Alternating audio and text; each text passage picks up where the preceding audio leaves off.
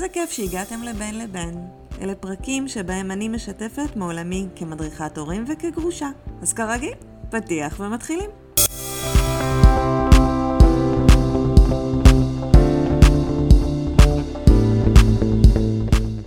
יותר מחמישה שבועות עברו מאז אותו יום שבת, ואנחנו בעוד פרק מיוחד לבקשתכם.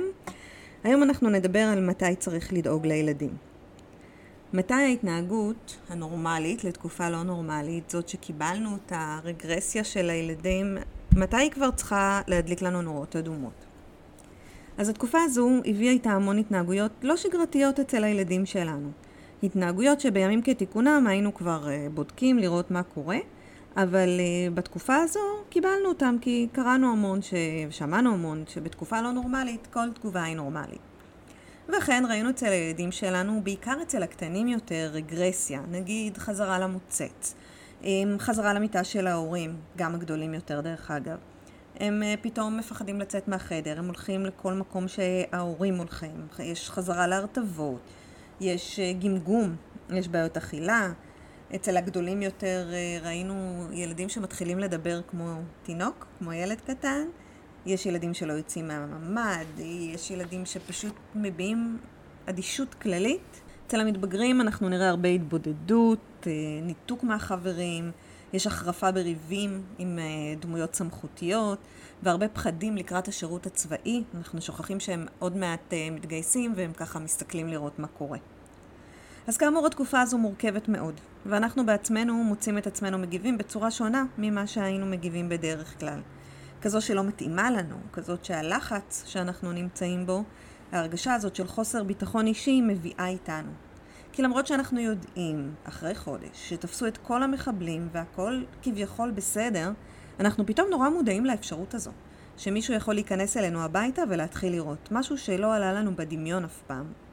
אני נגיד כמעט לא יצאתי מהבית בשלושת השבועות הראשונים, כי פחדתי להיות בחוץ בזמן אזעקה או נפילת טילים. 50% מתושבי ישראל לא ישנים כמו שצריך, בדקו את זה באיזשהו סקר.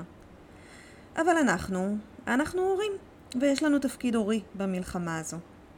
כבר דיברתי על טובת הילד בהקשר לשיתוף הפעולה בין ההורים, והיום אני רוצה לדבר על מה ההשפעה שלנו כהורים על הילדים שלנו. כלומר, איך אנחנו משפיעים. יש המון מחקרים, בעיקר כאלה שנעשו בשנות ה-70, שמראים שילדים מגיבים אלינו, אל הבעות הפנים שלנו, אל ההתנהגויות שלנו, יותר מאשר למה שאנחנו אומרים. מאז שהם תינוקות, הם מסתכלים עלינו ומנסים להבין איך להתנהג בהתאם לתגובה שלנו למצב. הם רגישים לפידבקים שהם מקבלים מההורים, ועל פי זה הם מכוונים את הדרך שלהם. זה ממשיך גם עכשיו, זה ממשיך גם בגיל ההתבגרות, גם כשהם קטנים, גם כשהם מתבגרים, במיוחד במצבי המשבר. אנחנו נמצאים אחרי השבוע החמישי ללחימה. האם אנחנו צריכים לחזור לשגרה? להתנהג כרגיל? אבל המצב לא רגיל, לא הכל חזר לפעול, יש מסעדות שעדיין לא נמצאות, לא פועלות, והחטופים עדיין שם. ומצד שני, החיים חזקים מהכל, נכון? ואז מהצד הראשון עדיין קשה לי נפשית, לא כולם חזרו לעבודה, יש הצפה רגשית. ככל שמתגלים ממדי האסון, אנחנו נחשפים ליותר ויותר זוועות, וזה המון. הפיד שלי בפייסבוק נראה כמו בית קברות אחד ענקי. המצב מאוד מבלבל. הילדים שלנו צריכים הכוונה מאיתנו. הם מסתכלים על המעשים שלנו, על המודלינג שאנחנו עושים להם, ולא על מה שאנחנו אומרים. אנחנו צריכים לשים לב להתנהגויות שלנו, לתגובות שלנו אליהם. כאילו לא מספיק קשה לנו ככה. הדבר הראשון שאנחנו נרצה לעשות הוא כמו במשל הזה, הדוגמה שמראים אה, מסרטוני בטיחות של המטוס על אה, מסכת החמצן שנופלת, שתמיד אנחנו צריכים להרכיב אותה קודם כל עלינו כדי שנוכל לעזור לילדים. אז גם כאן. מתי בפעם האחרונה לקחתם רגע לעצמכם? לשתות קפה כשהוא חם, לצאת להליכה, לפגוש חברים, יש כאן אימהות שהגרוש או הבעל שלהם יצא בצו 8 והם כבר חודש ימים רצוף עם הילדים ובתוך הבית כי קשה לצאת. וזה לא ילדים כרגיל, זה ילדים מפחדים, זה ילדים מבוהלים. המצב מאוד מאוד קשה כשזה ככה. זה מין סיר לחץ שרק מחכה להתפוצץ. אז כדי שתוכלו לתת לילדים סבלנות, חום, אהבה, להיות הורה מנהיג, להיות יציבים על הקרקע, אתם חייבים לקחת זמנים שהם רק שלכם, ולעשות בהם משהו שממלא אתכם, כדי שיהיה לכם מה לתת. אני יודעת שקל להגיד קשה לעשות, כי גם אנחנו דואגים, וכשיש אזעקה והילדים לא לידינו אנחנו נלחצים, אז זה, זה משהו שממש צריך לעשות, ממש. כי אז תוכלו לתפקד בבית כמו שצריך, תוכלו להציב גבולות, להיות חזקים מול הילדים, לתת להם תחושה שהכל בסדר, שיש כאן מבוגר אחראי. ההתנהלות הזו תשדר לילדים ביטחון. יש על מי לסמוך. דברים נוספים שאפשר לעשות uh, כדי לעזור לילדים, אז נגיד לקטנים יותר, אנחנו ניתן תפקידים בשעת האזעקה. להביא את הכלב, לשמור על האח הקטן, לדאוג שיהיה בקבוק מים בממ"ד, כל מיני דברים כאלה שיגרמו להם להרגיש נחוצים, שיגרמו להם איזושהי תחושת עשייה והישגיות, זה מאוד מאוד חשוב להם. אנחנו נחבק אותם, אנחנו נעודד אותם לדבר על הדברים.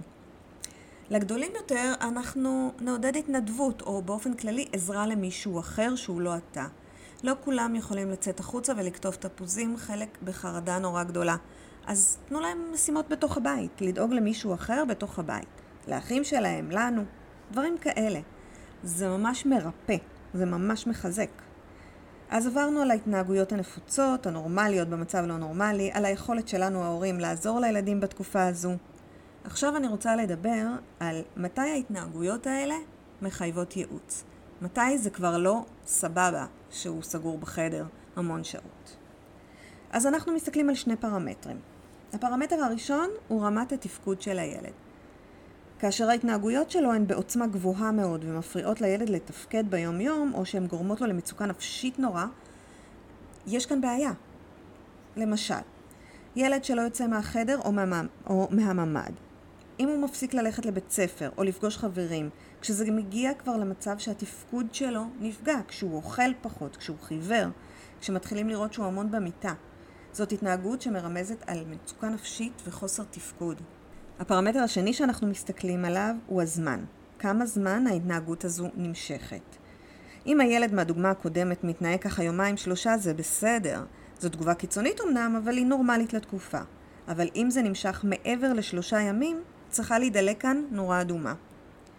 שתי הנקודות יחד צריכות להדליק אצלנו נורה אדומה ואנחנו צריכים לגשת לייעוץ. אנחנו יכולים לפנות לרופא המשפחה שלנו או לעזרה ראשונה נפשית באחת מהעמותות שמתנדבות, אה, יש אפילו של ביטוח לאומי, פשוט להקשיב ולראות, אה, להקשיב למודעות, לרדיו, לראות לאן אפשר להפנות אותם. אבל להפנות אותם, לא להשאיר את זה אצלנו. כי ההתנהגות הזה, דפוס ההתנהגות של הימנעות, של אני פוחד אני לא יוצא, אני פוחד אני לא עושה, זה התנהגות שמתקבעת, והיא מחלישה אותם, את החוסן הנפשי שלהם ואת היכולת שלהם להתמודד עם מצבים קשים בהמשך. אנחנו חייבים, חייבים, חייבים להפסיק את זה כמה שיותר מהר. קצת על דפוסי הימנעות. כשאנחנו מפחדים ממשהו, אנחנו פשוט נמנעים ממנו, נכון? אם אני מפחדת ממים, אז אני לא אחשף למים. אם אני מפחדת מכלבים, לא יהיה לי כלב בבית, וכשאני אפגוש כלב אני אעבור למדרכה השנייה, והנה החיים שלי בסדר, הצלחתי להסתדר. אבל האמת היא שלא, לא הצלחתי להסתדר. מכיוון שההתנהגות הזו, אנחנו מונעים מאיתנו דברים. נגיד, כל החבר'ה הולכים לים, אני לא אלך לים, נכון? כי יש שם מים, אני מפחד, אני לא רוצה שיראו שאני מפחד. כלומר, התפקוד שלנו בחלקים מסוימים נפגע. והדבר הנוסף שקורה לנו, זה שאנחנו לא מאמינים בעצמנו שאנחנו יכולים להתמודד עם הבעיה הזאת. אם אנחנו לא, לא מתמודדים איתה, אם אנחנו נמנעים, אז אנחנו לא יודעים שאנחנו יכולים להתמודד איתה. אז החוזק שלנו הפנימי קצת מתכרסם, האמונה שלנו בעצמנו. עם השנים ועם הזמן אנחנו פשוט נגיד לעצמנו, אין לי את הכוחות אה, להתמודד עם כלבים, אין לי את הכוחות להתמודד עם מים. אני יכולה לחיות לצד הפחד שלי ממים, אני יכולה להגיע לים ולא להיכנס למים, אני יכולה להיחשף קצת, אבל מה שאסור שיקרה זה שאני אאבד את האמונה בכוחות של עצמי. את האמונה בעצמי. זה יגרום לי לחוסר ביטחון לכל החיים, וזה באמת יפגע בתפקוד שלי. אז מה אנחנו מציעים? אני מציעה שכשהילד נמנע ממשהו, לחשוף אותו לפעילות הזו, אבל מאוד מאוד לאט. אם הוא לא רוצה לצאת מהחדר. מה שאני אעשה, זה אנסה לבקש ממנו להוציא יד מהחדר. רק יד אחת. הוא יוציא יד אחת, הוא יחזיר אותה מיד, אבל תחושת ההישג שתהיה לו, הוי שהוא עשה על הפעילות הזו, תפריש אצלו הורמונים של הצלחה. הוא ירשום את זה אצלו בגוף כהצלחה. ואז רגל, ואז עוד רגל. ואולי אפילו לשבת איתנו בשולחן האוכל, ובשנייה שהוא מרגיש לא בטוח, לחזור לממ"ד. ואז שנייה אחרי, ועוד, זאת אומרת בהדרגתיות, ולאט לאט אנחנו מחזירים את הילדים האלה לתפקוד. החדשות הטובות הן שפסיכולוגים מעריכים שרובנו המוחלט, כלומר מעגל שני, לא מי שנחשף לזוועות, לא נהיה בפוסט-טראומה. אלה יהיו חוויות קשות ותקופה קשה שעברנו, ולא פוסט-טראומה שצריך לטפל בה. פוסט-טראומה, המשמעות שלה היא שאנחנו לא מצליחים להתנתק מהאירוע עצמו. אנחנו חיים אותו וחווים אותו שוב. כל ההתנהגויות האלה שלנו שאנחנו מקבלים עכשיו אה, צפויות להסתיים תוך שישה חודשים בערך מרגע סיום המלחמה. אז אני מאחלת לכולנו ימים יפים וטובים, שכל השבויים יחזרו הביתה בשלום ושכל החיילים יחזרו הביתה בשלום. ושזה ייגמר, ושנהיה בטוב.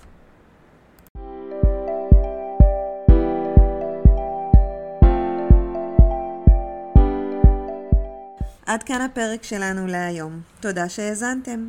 אם אהבתם את הפרק, או שאתם חושבים שיש מישהו שחייב לשמוע אותו, אשמח שתעבירו או תשתפו אותו, ותעזרו לנו להגיע ליותר מאזינים. אם אתם מרגישים שאתם צריכים עזרה עם הילדים והמשפחה החדשה שבניתם, אם אתם צריכים הכוונה או מרגישים שאתם מאבדים את הילדים, אתם מוזמנים לפנות אליי בוואטסאפ או דרך האתר www.maya.com. באתר גם תמצאו מידע נוסף בכל מיני נושאים. אתם מוזמנים לחפש אותנו בפייסבוק ובאינסטגרם. תוכלו לעקוב אחרינו שם.